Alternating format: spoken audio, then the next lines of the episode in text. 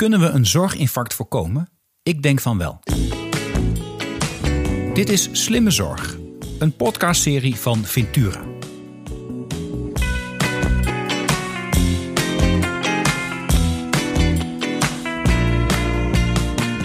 Mijn naam is Arno Rutte.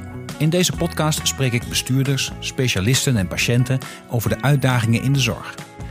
In ons vergrijzende land is het behouden van goede zorg voor iedereen een grote uitdaging. De vraag naar zorg neemt toe en verandert. Het aantal mensen dat zorg kan leveren kan niet toenemen. Als we niets doen, loopt de zorg vast in een zorginfarct. En daar maak ik me druk op. In deze podcast ga ik samen met mijn gasten op zoek naar de oplossingen waarmee we het zorginfarct kunnen voorkomen. Mijn gast van vandaag is Marjan Kaljau. Marjan heeft een rijke professionele en wetenschappelijke carrière in de zorg. Sinds 1 juni 2015 is zij voorzitter van de Raad van Bestuur van de Nederlandse Zorgautoriteit. Maar ze werkte ook als IC-verpleegkundige en promoveerde op een proefschrift over behoeften van familieleden van intensive care patiënten. Van 2005 tot 2012 was zij bestuursvoorzitter van de beroepsvereniging Verpleegkundigen en Verzorgenden Nederland. Welkom Marjan. Wat is volgens jou slimme zorg? Volgens mij is slimme zorg uh, zorg die echt bijdraagt aan het functioneren van mensen. Mm En zorg die bijdraagt aan de kwaliteit van leven van mensen. Dat is slimme zorg. De manier waarop je het uitvoert, dat is nog een tweede dimensie. Hè. Dat kan natuurlijk face-to-face, -face, dat kan allemaal fysiek en dat kan natuurlijk ook heel vaak digitaal. Dat is nog slimmere zorg. Oké. Ja, als hij maar weer bijdraagt aan de kwaliteit van leven van maar, mensen. Dat, dat, dat is het begin. Bijdraagt aan de kwaliteit van leven en aan het functioneren van mensen. Dat wordt vaak heel ingewikkeld gevonden als, als kader. Het klinkt heel logisch. Zorg, maakt, zorg is om bij te dragen aan de kwaliteit van leven van mensen. Maar mijn ervaring is wel, als je daarover gaat praten, bijvoorbeeld met zorgprofessionals, dat ze dan zeggen van ja, ja, dat is wel heel subjectief. Dat kan er niet vastpakken van tevoren. Dat vind ik lastig. Hoe kijk jij daarnaar? Um, die vraag die, um, die kunnen professionals zelf ook niet zo heel goed beantwoorden. Ik ben natuurlijk jarenlang zelf professional geweest. Heb aan ja. het bed gestaan. En degene die je dat moet vragen is de patiënt zelf. Wat draagt er nou bij? Wat heeft u nodig? En bij de een is dat heel, anders, heel iets anders dan bij de ander. Terwijl ze misschien toch hetzelfde mankeren. Dus je moet het niet zozeer alleen aan de professional vragen. Je moet beginnen bij de patiënt en bij de burger. Wat is nodig? Wat draagt nou echt bij? Wat heeft u nog nodig? Um, om dan vervolgens aan de professional uh, te vragen van wat kun je, wat, wat kun je leveren? Precies. Dan, dan begint dus slimme zorg. Het traject daar naartoe, nou begint in ieder geval, maar een heel cruciaal onderdeel daarvan is samen beslissen. Dat Absoluut. Is niet, dat is niet een geobjectiveerd, geobjectiveerde kwaliteit van zorg, maar dat is eigenlijk eerst met die patiënt in conclave, joh, wat speelt er met jou? Wat vind jij belangrijk? Ja, absoluut. Ja. En dat is, nou, dat hebben we volgens mij tegenwoordig zelfs in de wet vastgelegd. Hè. Officieel moet het zo zijn dat als je een behandeling uh, ondergaat, dan, een medische behandelovereenkomst, dan moet samen beslissen daar onderdeel van uitmaken. Ja, de informed consent. Ja, bijvoorbeeld, ja. ja. Maar ja, er komt wel meer bij kijken dan alleen maar zeggen we hebben samen besloten. Um, hoe, hoe, krijgen we, hoe, hoe, krijgen we dit nou echt voor elkaar? Dat, dat, dat voordat we met iets beginnen, dat je echt een gesprek aangaat met. Ja, maar je zegt, het goed, je zegt het nu goed. Hè? Het, het gaat niet alleen om het besluit, het gaat om het goede gesprek. Ja. En als je dat goed doet, dan komt daar een besluit uit voort. En het liefst een besluit wat gedragen wordt door die professional en die patiënt. Maar je moet wel de tijd nemen voor het voeren van het goede gesprek. En dat is maatwerk. Dat is niet één gesprek voor iedereen. Dat is voor iedereen een verschillend gesprek. En dat, dan, dan zeggen mensen, dat vind ik lastig. Dus productiedruk, prestatiedruk. Ja. De patiënt moet snel de wachtkamer uit, anders Ja. verdien ik niks. Ja. Um, uh, en dan ben jij de, de, de, bestuursvoorzitter van de, van de Nederlandse Zorgautoriteit. Ja. Nou, die wordt nog wel eens vereenzelvigd met, het, uh, met prestatiedruk en productiedruk. Dat uh, net aan of dat bij elkaar hoort. Ja. Hoe kijk je daarnaar vanuit jouw rol? Nou, totaal anders. Hè? Dat, uh, kijk, het eerste waar je mee begint is natuurlijk... Als, je, als, je, als je ervan uitgaat dat je, dat je wilt dat professionals en patiënten... met elkaar goede gesprekken voeren om te komen tot een goed besluit... wat bijdraagt aan het functioneren van die mensen... en aan de kwaliteit uh, zeg, zeg maar, van, uh, van hun gezondheid, hè? kwaliteit van leven... Uh, dan kost dat inderdaad tijd. Dus dan moet je af van productieprikkels. En daar moesten we toch al vanaf, vinden wij. Maar er is nog een reden extra. Productieprikkels zorgen ervoor dat we gaan produceren. Dat is ook heel logisch. Als je daarvoor betaalt, dan gaan mensen dat doen. Dus je kunt ze niet eens kwalijk nemen. Dus ik vind het ook echt aan de Nederlandse Zorgautoriteit om na te gaan denken... welke prikkels kunnen juist die gespreksvoering stimuleren. Dus net andersom. Welke zijn dat dan? Hoe kijk je naar? nou ja, in mijn eerste zin zeg ik het al. Hè. Als je gaat betalen voor productie, dan krijg je productie. Dus je moet eigenlijk stoppen met betalen voor productie.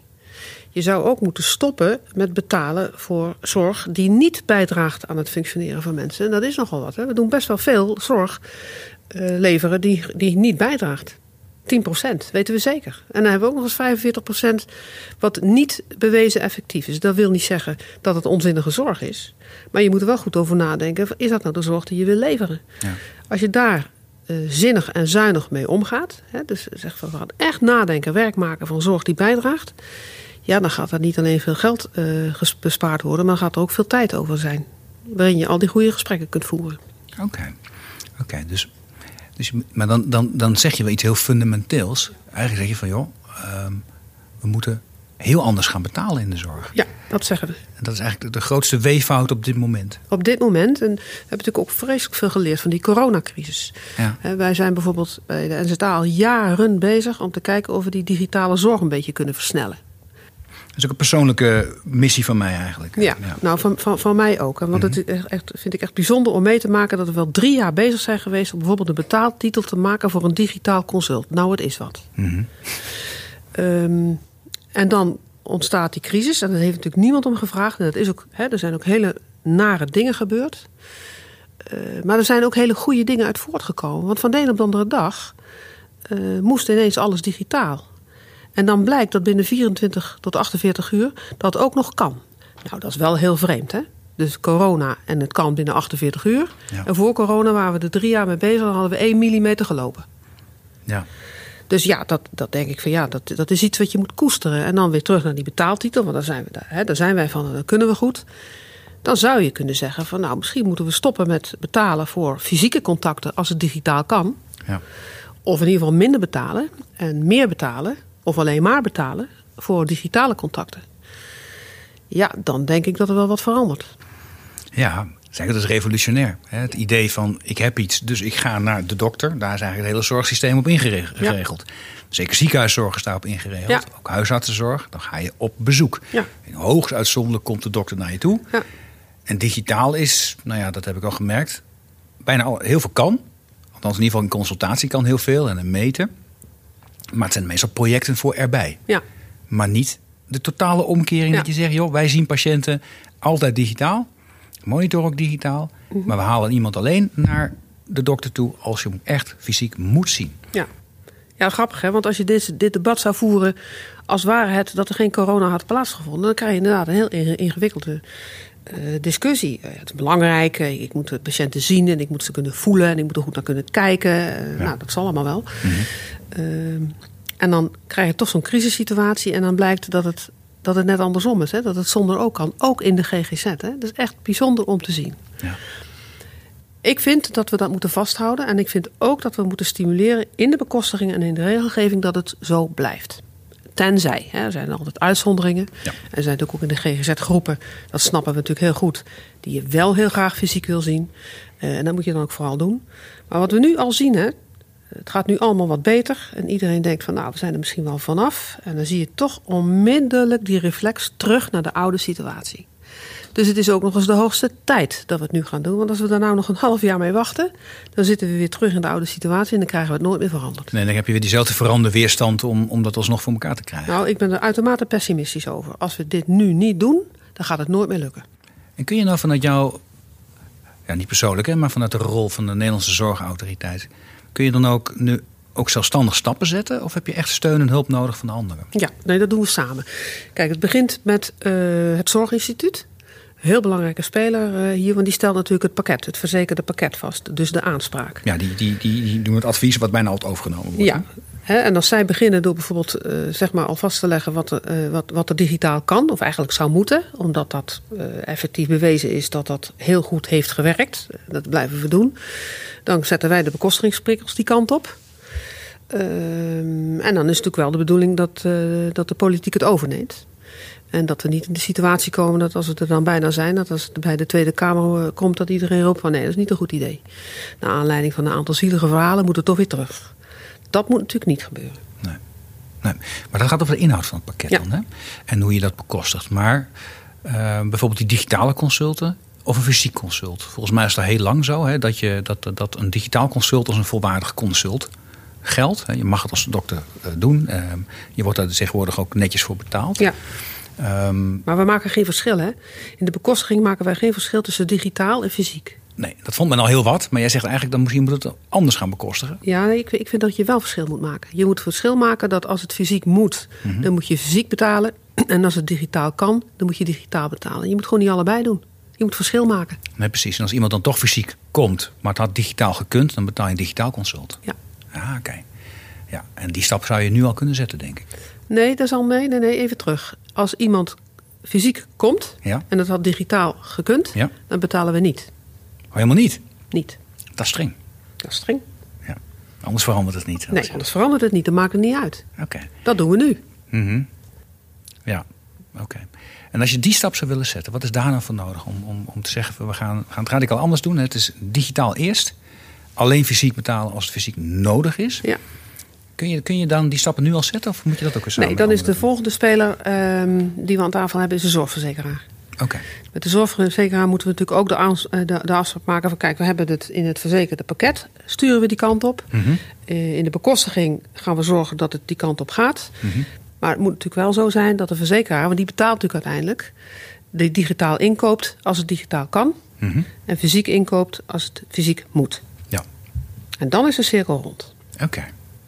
Oké.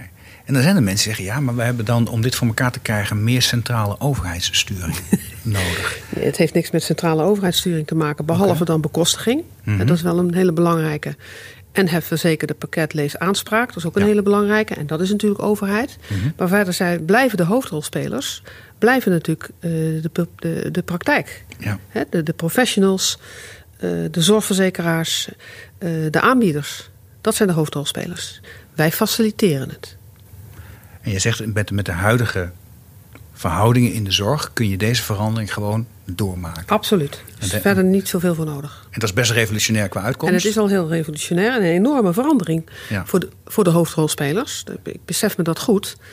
Uh, met behoorlijk wat consequenties. Uh, maar dat kan binnen het huidige, uh, huidige systeem kan dat uitstekend.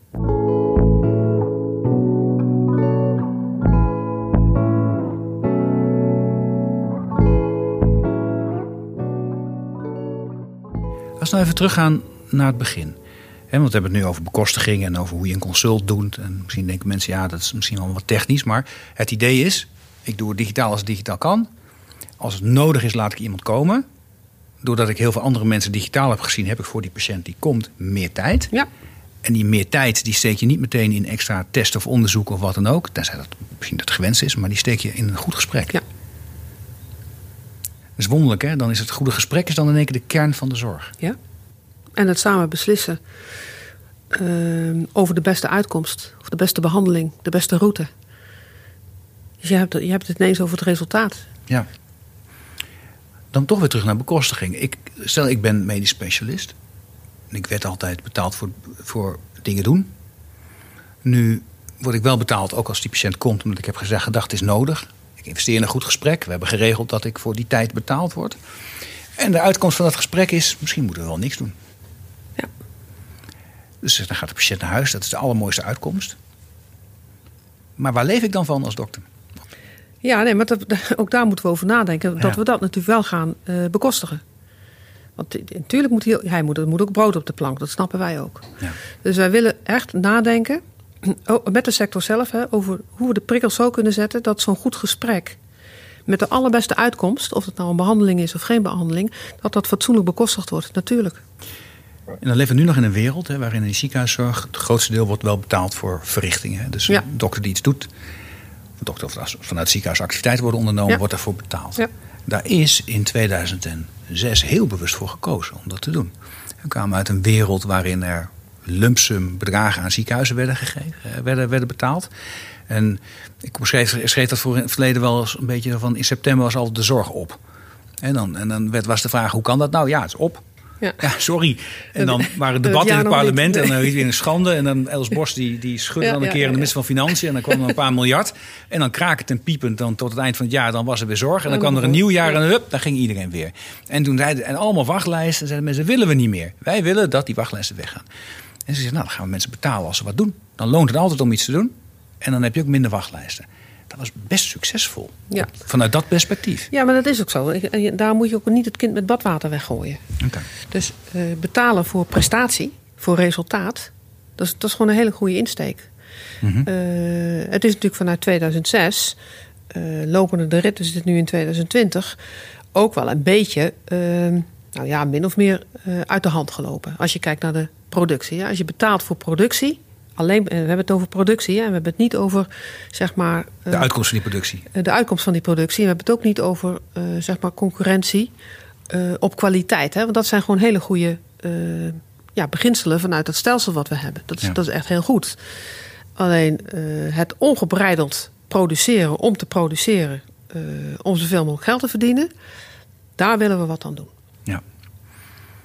En je mag best geld verdienen, geen enkel probleem hè. Nee. Dat moet ook. Ja. Maar wel met de goede dingen graag. En aangezien, eh, nou ja, je weet het, hè, we geven zo'n 90 miljard uit aan de zorg. En dat zal nog een beetje gaan groeien nu eh ten gevolge van corona.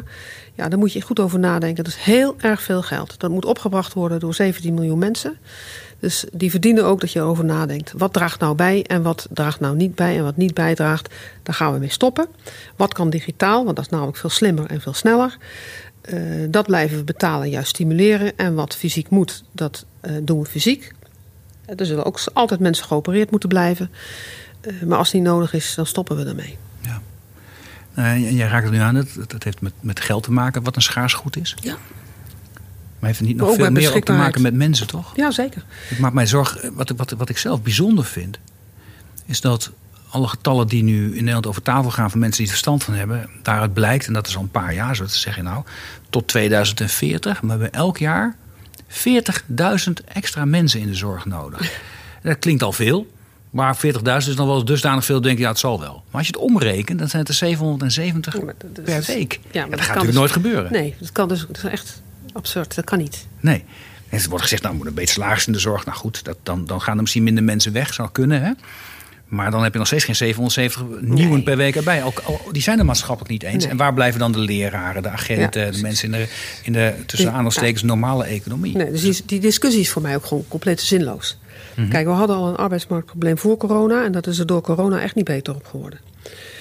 Dus wat we moeten doen is nadenken ehm, hoe we de zorg eh, niet alleen betaalbaar, maar ook toegankelijk houden voor de komende jaren. eh, in de situatie waar we in zitten. Dan kun je zeggen, ja, we gaan koersen op weet ik hoeveel honderdduizenden mensen erbij. Ja, als ze er niet zijn, heeft die koers geen zin. Nee. Dus ik zou zeggen, denk nou na eh, hoe je het toch kan doen met minder mensen of met de huidige mensen. En dan komt die digitalisering wel heel erg goed uit. Hè? En Ja. alle slimme tools die nu op de markt komen.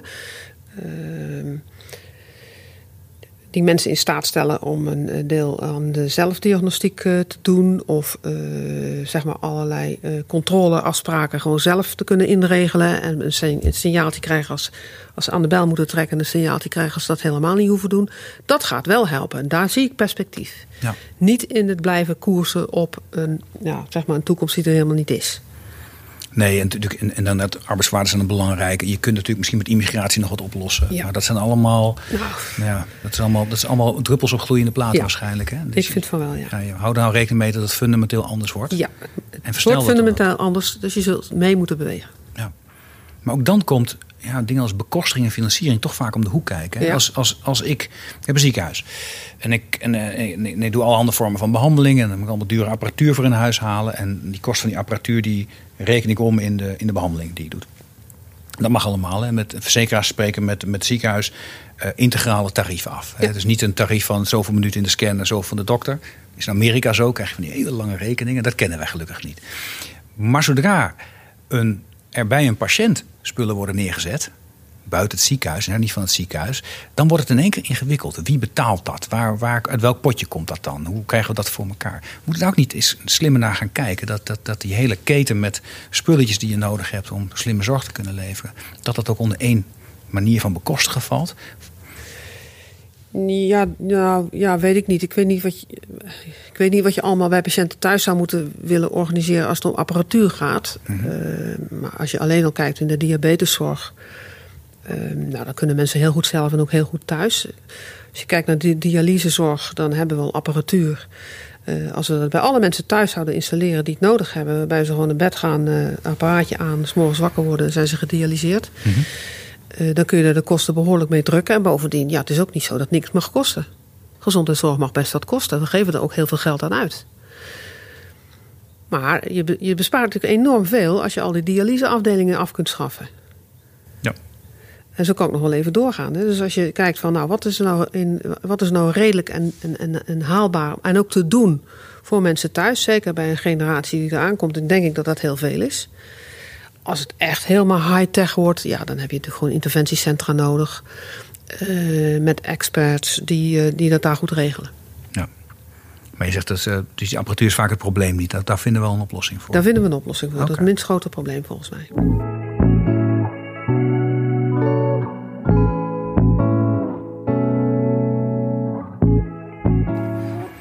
Dus mensen kunnen steeds meer zorg krijgen, kunnen steeds meer zorg van het huis krijgen, kunnen gemonitord worden van het huis, kunnen dingen zelf doen, ook als ze chronisch ziek zijn. Zelfs ernstig ziek, zeg jij. Hè? Dus als je gedialyseerd moet worden, zelfs dat kan steeds vaker thuis. Misschien moet je het wel altijd thuis doen. Uh, dat als je heel veel dingen thuis gaat doen, heeft dat impact op hoe de, de wereld en de verdeling van, van de zorg eruit ziet. Ja. Want heb je nou wel zoveel ziekenhuizen nodig die met zoveel functies op het moment dat je steeds meer dingen thuis doet? En hoe verdeel je dat dan? Dat zijn, zijn lastige vraagstukken. Als politicus werd ik er heel vaak op, op aangevallen. Ja. Als ergens een ziekenhuis uh, nou, of sluit of verandert, functies verliest, dat, dat, dat ligt heel emotioneel. Mensen denken meteen van, oh jee, er is geen zorg meer. Hoe kijk je vanuit jouw rol naar? Nou, ik heb er zelfs een, uh, een advies over uitgebracht in 2015 uh, voor de toenzittende minister Edith Schippers. Mm -hmm. Um, en dat, ga, dat, ja, dat gaat nog veel verder dan alleen maar zoveel mogelijk richten op zorg thuis als dat kan. Uh, beter voor de patiënt en ook ja, veel, veel effectiever. Ja. Um, maar als je daarbij optelt dat je zegt van nou we gaan kijken naar zorg die bijdraagt en niet meer naar wat er allemaal kan. Dus naar wat nodig is in plaats van wat er allemaal kan. En daar tel je nog eens bij op. Digitalisering. All over. Als dat kan. En alleen fysiek als het moet. Ja, dan kijk je naar een enorme verandering van het zorglandschap. Ja. We hebben er ook een voorstelling gedaan. En ja, inderdaad, dan heb je helemaal die ziekenhuizen niet meer nodig die er nu zijn. Veel minder. Daar staat, niet, uh, daar staat tegenover dat er een heleboel andere dingen nodig zijn. Uh, dat we nu, we hebben nu en we hebben nu bijna de mensen georganiseerd om de zorginstellingen heen. Ja. Alsof het doel is, we moeten die zorginstelling in de lucht houden. Dat zou je nou eens andersom moeten doen. Hè? Je zou eigenlijk de zorg moeten organiseren om de mensen heen. En dan krijg je gewoon zeg maar, toch een soort integraal beeld van niet alleen een ziekenhuis, uh, maar ook een, een, een faciliteit waar uh, huisartsen, paramedici, uh, verpleegkundigen, noem het allemaal maar, tot en met het sociaal domein in vertegenwoordigd zijn. Waarbij je de uitgangspunten hebt die we steeds noemen. en dan thuis als het kan en elders als het moet. Dat kun je van de kant bekijken dat je zegt van nou, we raken heel veel kwijt. Maar je kunt het ook van de kant bekijken van we winnen hier heel veel. Ja. We winnen hier een, een goede toekomst uh, als het gaat voor zorg voor iedereen die dat nodig heeft. Um, en we gaan doelmatiger om met een heel duur product, namelijk gezondheidszorg. Dus we houden het betaalbaar en we houden het toegankelijk. Dus ik snap wel dat er koudwatervrees bestaat, omdat de huidige situatie echt drastisch gaat veranderen mm -hmm. en ook moet veranderen. Aan de andere kant, als we in staat zijn om perspectief te bieden voor de toekomst uh, waar voor iedereen een plek is. Hè. We hebben het net over de arbeidsmarkt gehad. Nou joh, maal tien zou ik zeggen. Ja, dan hoef je helemaal niet bang te zijn. Dan wordt het er alleen maar beter van. Ja, volgens mij heeft het ook enorm te maken met, met, met de vorm van veranderen management. Ja, dat klinkt ook wel zo verschrikkelijk. Maar de volgorde is nu vaak, er valt iets om. Er gaat, er gaat iets failliet. Er verdwijnt een functie. Dan een heleboel gekrakeel, actiegroepen, mensen boos, et cetera. En dan daarna wordt er nagedacht, wat dan wel? En dan wordt er iets nieuws opgebouwd. Ja. En dat nieuwe voldoet dan heel vaak wel. Misschien soms ook niet. Perfect wordt het niet. Maar dat is de volgorde. Ja. Dus dan ben je eerst iets kwijt. En dan, maar dan gevoelsmatig dan heb je heel hard geknokt. En dan heb je weer iets terug. Wat dan anders is. En dat kun je al gauw als minder definiëren. Maar de andere volgorde zou je eigenlijk willen. Dat de spelers in het zorglandschap over nadenken. Van joh, we kunnen zo niet door. Wij bouwen iets nieuws op. En pas als we dat gedaan hebben. Iets nieuws opgebouwd hebben dan sluiten, we, dan, dan sluiten we misschien bepaalde functionaliteit. Maar daarmee waarborgen we wel dat, er bepaal, dat, dat de zorg in een, in een bepaald gebied van hoog niveau blijft. Ja. Maar wat, waarom, waarom gebeurt dat zo weinig? En kun je daar als NZA iets in, iets in betekenen om, om die volgorde aan te geven? Ja, Ja, je bent, ik ben heel- geen, tover, geen tovenaar die alles kan oplossen, Marjan. Dat weet ik ook wel. Maar, Heel, eh, heel veel vragen tegelijk. Nee, wij kunnen dat als NZA niet alleen oplossen. En dat hoeven wij ook niet alleen op te lossen. Kijk, in Nederland, eh, daar wonen en werken natuurlijk gewoon hele verstandige mensen. Dus heel veel mensen proberen dat natuurlijk ook eh, in deze volgorde te doen. Om aan de voorkant veranderingen in te luiden en dat goed te begeleiden en te zorgen dat enzovoort enzovoort. Hele boeken zijn erover geschreven, boekenkasten vol. Maar mensen, als het erop aankomt, houden helemaal niet van veranderen. Wij willen helemaal niet veranderen. Dus daar komt ook de uitdrukking vandaan: onder druk wordt alles vloeibaar. Soms moet er echt noodzaak zijn, eigenlijk moet er bijna altijd noodzaak zijn om iets fundamenteels te veranderen. Eh, en dat wordt nu maar weer eens bewezen door die coronacrisis. Dat, eh, dat is weer hetzelfde. Hè? Eh, onder druk wordt dan alles vloeibaar. En je moet eens kijken hoe snel het weer naar de, naar de oude situatie beweegt als je er niet een klem tussen zet. Ja. Ja, want, want, want uiteindelijk is er wel degelijk een hele grote... Je kunt zeggen, er is een financiële crisis in de zorg. Het Ja. is hartstikke duur. Nou, daar, daar- daar, kun je dan nog ideologisch van verschillen. Zeg je, joh, dan gaan we meer premie heffen, meer belasting heffen. We vinden het heel belangrijk. We zijn, hè, wat, dan zeggen we, we zijn een beschaafd land. Dus dat Doen doen we, dan. ja. Dat kan allemaal. Het levert ook heel veel op. Eh, nou, daar kun je al, allemaal argumenten. Dat is lastig om allemaal heen te komen. Maar het feit dat die mensen opraken... is natuurlijk eigenlijk al een acute crisis. Ja. Als je nu, ik praat als met, spreek eens met zorgbestuurders en vraag ik hoe zit het eh, met, eh, met, met, met, met, met jouw personeelsbestand. En dan hoor ik meestal, het is momenteel wel lastig. En dan denk ik altijd, momenteel wordt het nog veel erger. Je hebt op dit moment de allerbeste arbeidsmarkt voor de komende 20 jaar in de zorg. Dat besef lijkt nog niet helemaal doorgedrongen te zijn. Nee. En dan is er dus ook nog geen crisis, terwijl die er wel is. Hoe krijgen we dat nou toch? Nee, tussen- dat is krijgen we gra- dat wel toch grappig dat je dat zegt. Toen, to- no- nog um, zeg maar een paar maanden voor corona speelde natuurlijk die arbeidsmarktproblematiek heel erg. In mijn ogen was die gewoon nog niet erg genoeg. Dus toen heb ik wat oneerbiedig gezegd, maar ook niet overal hardop. Maar voor nu dan wel. Het moet nog een beetje erger worden. Er moet nog veel minder personeel komen. Er moet eigenlijk, het moet zo erg worden dat iedereen zegt van ja, dit houden we echt niet vol. Dus nu moeten we gaan nadenken over verandering. En toen kwam corona. Ik denk, nou ook goed, dacht ik toen. Ehm, Ja, niet goed corona, maar wel als crisismoment. Zeg Ja. maar. Ja. ja, nee, corona op zich natuurlijk niet. Maar wel een situatie die gecreëerd wordt. Waardoor je in staat wordt gesteld om te doen veranderen. En Dat is zo ongelooflijk belangrijk. Dus da- daar mogen we dat momentum ook niet verliezen.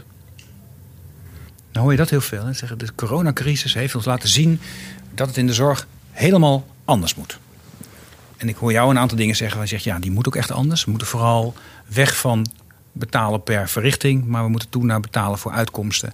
En zoveel mogelijk dingen thuis doen. Hè? Daar, zo, daar de, de botjes echt gaan, eh, gaan verzetten. En de Ja, maar je hoort, je hoort mij niet zeggen, eh, eh, het moet in de zorg echt helemaal anders. Want er gaat gewoon ongelooflijk veel goed in de zorg. Mhm. We hebben de beste gezondheidszorg bijna van de wereld. Dus we moeten ook niet eten, alles, alles wat we hebben opgebouwd, moeten we, niet, moeten we niet over de schutting gooien. Want we beginnen helemaal opnieuw. Dat zou ongelooflijk dom zijn. Dat moeten we niet doen. Wat we wel moeten doen is leren van wat er wel kan ter verbetering van wat we al hadden. Eh, dat probeer ik steeds te bepleiten. Dat is de En- volgende stap eigenlijk. eigenlijk de volgende stap, ja. Het doorontwikkelen van nou, het systeem wat we, wat we hebben opgebouwd. Waarin je nog steeds betaalt per prestatie. Maar die prestatie anders definieert. Namelijk als een uitkomst. Ja, precies. En als resultaat die toevo- wat echt daadwerkelijk aantoonbaar toevoegt aan het functioneren van mensen. Ja, het is interessant.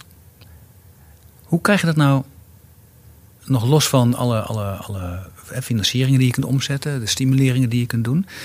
eh, hoe krijg je nou ook, ook, ook grip op dat fenomeen betalen op een uitkomst? Hoe definieer je nou die uitkomst? Ja. Hoe, want je zult uiteindelijk ook als, als, als financier, dan ben je verzekeraar, maar ook als toezichthouder. Als je, als je financiert ook inderdaad wel grip op willen hebben. Dat je zegt, ja, maar ik heb daar ook op een goede uitkomst gefinancierd. Hoe, hoe doen we dat? Zonder een enorme administratielast. eh, Ja. Ja, ik denk niet dat er een lijstje moet komen met eh, gedefinieerde uitkomsten. Ik denk dat een uitkomst, eh, zeker als het moet gaan over het bijdragen aan het functioneren van mensen. Los van bijvoorbeeld, eh, ja, als iemand een nieuwe knie nodig heeft, dan is de uitkomst natuurlijk een nieuwe knie. Als dat echt moet en dat hij daar weer goed mee kan functioneren, is het goed, hè? Ehm, maar ik kan me ook situaties heel goed voorstellen waarin dat tot uitkomst komt in een gesprek tussen een professional en een patiënt. Dat lijkt mij uh, eigenlijk toch, dat blijft voor mij toch de meest geëigende weg om te komen tot uitkomsten. Los van het feit dat iedereen die natuurlijk met een aantoonbaar uh, gezondheidszorgprobleem komt, dat de uitkomst daarvan zou moeten zijn dat dat probleem wordt opgelost. Of in ieder geval zo goed mogelijk wordt opgelost. Tot aan, wat ook mogelijk is, eh, soms is het zo dat mensen ook mee moeten leren leven. dat die, die situatie bestaat ook en dan heb je daar weer eh, nou, misschien een proces voor om iemand daarbij te ondersteunen. Dan raak je, dat zijn allemaal verschillende soorten uitkomsten. En die kunnen ook hun, hun oorsprong weer vinden in, in financiering via allemaal verschillende wetten. Dat is ja, nogal eens complex. Hè? Ja, dat is dus iemand ergens mee moet leren leven, dan heeft hij ondersteuning nodig. En de ondersteuning krijgt hij via de gemeente. Als iemand niet meer zelfstandig, als dat de uitkomst is van joh, we kunnen, ja, we kunnen, we kunnen een nieuwe heup en de knie doen, maar lopen zit er niet meer in en iemand is ook mentaal heel erg achteruit aan het gaan, mm. dan is waarschijnlijk een plek in een verpleeghuis het beste. Ja. Dat komt weer uit een heel andere bron uh, gefinancierd. Dus, dus die uitkomst die je, die je realiseert, zo, en, en zijn ook gevallen waarin je dan uit verschillende bronnen eigenlijk het geld bij elkaar zou willen leggen. En ik hoor ook heel vaak dat dat een probleem is. En je zegt, ja, ik, ik doe iets en die ander profiteert daarvan. Of ik heb dan echt geld uit een ander potje nodig. En dat kan dan niet, of dat mag dan niet. Of, hoe, hoe, gaan we dat, hoe gaan we die hobbels ja, slechten? Ja, nou ja, dat is natuurlijk hetzelfde als het zorglandschap. Hè. Als je het zorglandschap zo gaat vormgeven... Uh, dat je die patiënt en die burger daarin centraal stelt... ja, dat is een heel mens... Uh, en er zijn alle wetten op van toepassing. Mm -hmm. niet een stukje. Uh, die wetten die zijn er niet voor niks gemaakt. Hè. Die zijn er niet gemaakt om het ons allemaal ingewikkeld te maken. Die zijn er alleen maar gemaakt. Ik vergelijk het wel eens met een containerschip. Hè. Je hebt tegenwoordig containerschepen van 400 meter lang. En die hebben allemaal schotten. Zitten er in dat schip. En er zitten daar niet voor niks. Er zitten, als er ooit eens een keer iets tegen aanvaart en er komt een gat in, dan zinkt dat schip namelijk niet. Ja. Want dan is alleen dat schot lek. Daarvoor zijn die wetten. En als je 90 miljard, straks 100 miljard euro uitgeeft... en je gooit het allemaal op één hoop en het gaat mis... en je bent 100 miljard kwijt... dat is iets heel anders dan dat je het verdeeld hebt over een aantal uh, uh, wetten. Dus het is eigenlijk de zekerheid van een containerschip... dat zijn die wetten bij elkaar opgeteld. Althans, zo kijk ik ernaar. Dat wil nog niet zeggen dat je niet van het ene schot naar het andere over zou mogen steken of kunnen steken. Dat moeten we natuurlijk wel regelen. Dus als we de winst halen uit de WMO, en we voorkomen daarmee door preventie of weet ik wat niet een behandeling in de tweede lijn, een paar schotten verder. Dan moet dat wel heen en weer kunnen. Dat moeten we regelen. Ja, dus daar ligt ook een, een politieke opdracht eigenlijk. Daar ligt een politieke opdracht. Wel, soms kan, het ook al. Hè? kan, precies. Zoveel hoef je er ook weer niet voor te doen, want dat kan al. Mm we verschuilen ons er makkelijk achter. Dat kan niet. Maar er kan veel meer wel dan dat er niet kan. Ik begrijp eigenlijk van, in, van al die wetten. Je mag vanuit de zorgverzekeringswet investeren in gemeenten. Dat kan. Gemeenten kunnen ook, hebben een heel brede beleidsvrijheid om geld te investeren. De grootste blokkade lijkt te zitten in de manier waarop die WLZ is, uh, wet langdurige zorg is vormgegeven. Ja. Je mag niet vanuit de wet langdurige zorg investeren in een patiënt die geen gebruik maakt op dat moment van die zorg. Dat is nog wel eens lastig. Dat is een lastige. En eh, daar kijken wij ook naar hè, in, in onze regelgeving, wat we daar toch een beetje kunnen, kunnen herstellen. Ehm, en dat gaat, dat, volgens mij gaat dat ook wel lukken. Dat is natuurlijk wel een technisch verhaal. Uh, maar in principe, ja, ik, heb, ik zei het in het begin al van deze, van, van, van deze podcast. Kijk, wij, wij faciliteren. Hè, zo moeten we ons ook blijven gedragen. We moeten niet gelijk roepen dat iets onrechtmatig is. Dat zal, het misschien wel zijn. Maar we moeten eerder zeggen van hoe kunnen we het zo doen dat het rechtmatig wordt. Als het daar overduidelijk in het belang is van de patiënt. Als het in het belang is van diezelfde patiënt, dan vind ik uh, dat je er serieus naar moet kijken. Ja. En dat zijn, dat zijn eigenlijk hoef je geen grote revoluties voor door te maken. Nee. Maar met kleine wijzigingen kun je heel veel bereiken. Meestal wel. Nou, dat lijkt mij een, eh, een goede wenk dan. Maar dat moet mensen dus ook niet ontmoedigen om het te proberen. Precies. Want dat zie ik nu ook al heel vaak. Ze zeggen, ja, dat is moeilijk, we doen het, we doen het niet. Ja, of de, de, meest makkelijke zin, het kan niet. Nou, ik denk dat 9 van de 10 keer, als mensen zeggen het kan niet, het antwoord is het kan wel. En dan kunnen ze daarvoor contact opnemen met, uh, met de Nederlandse Dat doen ze ook. Dat, doen ze ook. En dat doen ze ook steeds vaker. Daar zijn we ook ontzettend blij mee. Uh, en bijna altijd leidt dat tot oplossingen. En zolang als ik hier nu zit, is er nog geen wet veranderd. En wel heel veel oplossingen al geboden. Ja, ja de wereld staat niet stil. Uh, wat zo is het. nee. Maar als ik jou zo hoor, zeg je eigenlijk, eigenlijk voel, voel je redelijk comfortabel in het wettelijke kader dat er nu is. Ja, de regels en het stelsel zoals het, hè, als je het dan juridisch omschrijft, hè, ja. de, wetten. Maar moeten er wel her en der wat bordjes verzet worden om het beter te doen. Ja. En dat moet eigenlijk altijd, hè? Als, als iets een x aantal jaren draait, dan moet je het af en toe eens onderhouden. En hier en daar eens wat verzetten, dat geeft niks. Dat is goed. Maar ja, wat verzetten? Als je zegt digitaal gaat, uh, wordt, wordt de primaire ingang van de zorg. Ja. Is best revolutionair Nou natuurlijk. ja, zeg, we leven in 2020. ja, dat is waar. Ja.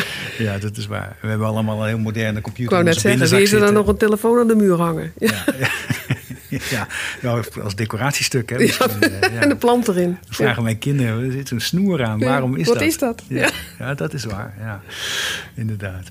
maar Jan, maar dat zijn, dat zijn mooie ideeën. Hetzelfde geld eh, hebben we straks verkiezingen gehad. Dan krijg je een belletje van eh, de... de dat is, het mag dan geen premier heten, dan formateur. Van, eh, we, we hebben er eens over nagedacht. Jij bent onze ideale kandidaat om minister van Volksgezondheid te worden. Ja. Dan ga ik er gewoon even voor de vorm vanuit dat je dan ja zegt. Tuurlijk. Uiteraard, eh, allemaal vereerd, gaan we doen. Maar wat is dan het eerste wat je gaat aanpakken, wat je aan zou pakken? Het eerste wat ik aangepakt is die productieprikkel. Precies, precies wat je net zei. Precies wat ik net zei. Nou kun je daar ook al heel veel op de- in je huidige rol. Maar dan gaat je dan als minister extra vaart achter. Nou, politieke, eh, de politiek draagvlak, hè, politieke sturing en politieke steun is ongelooflijk eh, belangrijk om ZBO's, zoals, zoals, zoals het onze, maar ook het Zorginstituut eh, of agentschappen zoals een eh, inspectie, eh, gaan ze maar door, om die het werk te laten doen wat ze kunnen doen. Ja. Dus een minister die zich uitspreekt van ik wil dat ook, dat helpt enorm. Dat helpt enorm. Ja. Maar ja, dat is eigenlijk een helemaal congruente eerste stap. Ja, dat lijkt Precies me. datgene wat je nu al Ja. doet, zou je dan voortzetten. Ja, absoluut. Dus dan weet iedereen waar hij aan toe is. Ja. Eh, Dat weten ze bij mij me meestal. Meestal weten ze dat. Nou zal dat wel heel veel mensen worden uitgelegd. Die zegt ik haal de productieprikkels uit de zorg. Dat is dus het einde aan de marktwerking. Nee, dat Zo heeft wordt het vaak verteld. Ja, ja, maar dat heeft gewoon helemaal niks met elkaar te maken. Kijk, in de eerste plaats hebben we in de gezondheidszorg helemaal geen marktwerking. Wij hebben een gereguleerde markt. En dat is iets heel anders. Dat betekent, nou, we hebben dus spelregels. Spelregels die ervoor zorgen dat de allerbelangrijkste uitgangspunten van dit stelsel, van de gezondheidszorg, en dat is solidariteit. Dus dat betekent rijke mensen betalen voor arme mensen. En gezonde mensen betalen voor zieke mensen. Dat, is- dat, dat is het fundament van ons stelsel. wordt wel eens vergeten. Dan wordt gezegd, ja, maar dat is, fundament is marktwerking. Nee, maar dat nee. is Het met, met, met marktwerking heeft het helemaal niks te maken. En iedereen die het roept, die roept, doet het maar gewoon wat eh, na. Eh, want het is gewoon niet zo. Het is een gereguleerde markt die iedere burger de zekerheid geeft dat hij zorg krijgt als hij dat nodig heeft. En dat hij ook de beste zorg krijgt. Wie kan dat nou zeggen? Ja. Dat is het principe. Dat moet je gewoon koesteren. Dat heeft bijna geen land in de wereld. Zoals de vorige minister wel eens zei, in Nederland ligt de multimiljonair naast de bijstandsmoeder in hetzelfde ziekenhuisbed en krijgen allebei dezelfde excellente zorg. Exact. Oké. En dat gaat tot los van de vraag over productieprikkels.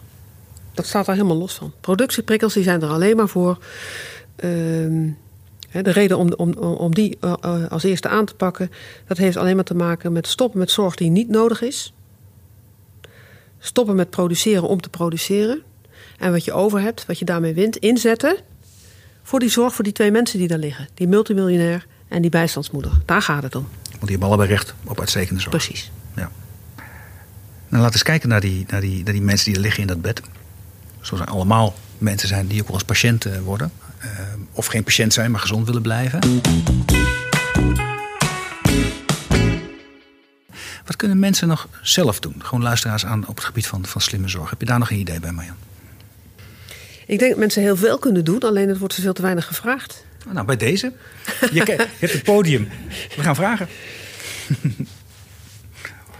Ja, weet je, ik, eh, eh, wat, eh, wat mensen zelf kunnen doen, dat zou je aan mensen zelf moeten vragen. Maar ik, ja, kijk, ik kan er wat over zeggen, maar dan op toch op een bescheiden afstand. Ik denk dat de generatie die er nu aankomt, hè, de jonge generatie, die gaat, die, die gaat helemaal niet meer naar de huisarts. Dat hoor ik gewoon van mijn collega's hier, de kinderen daarvan in de huisarts.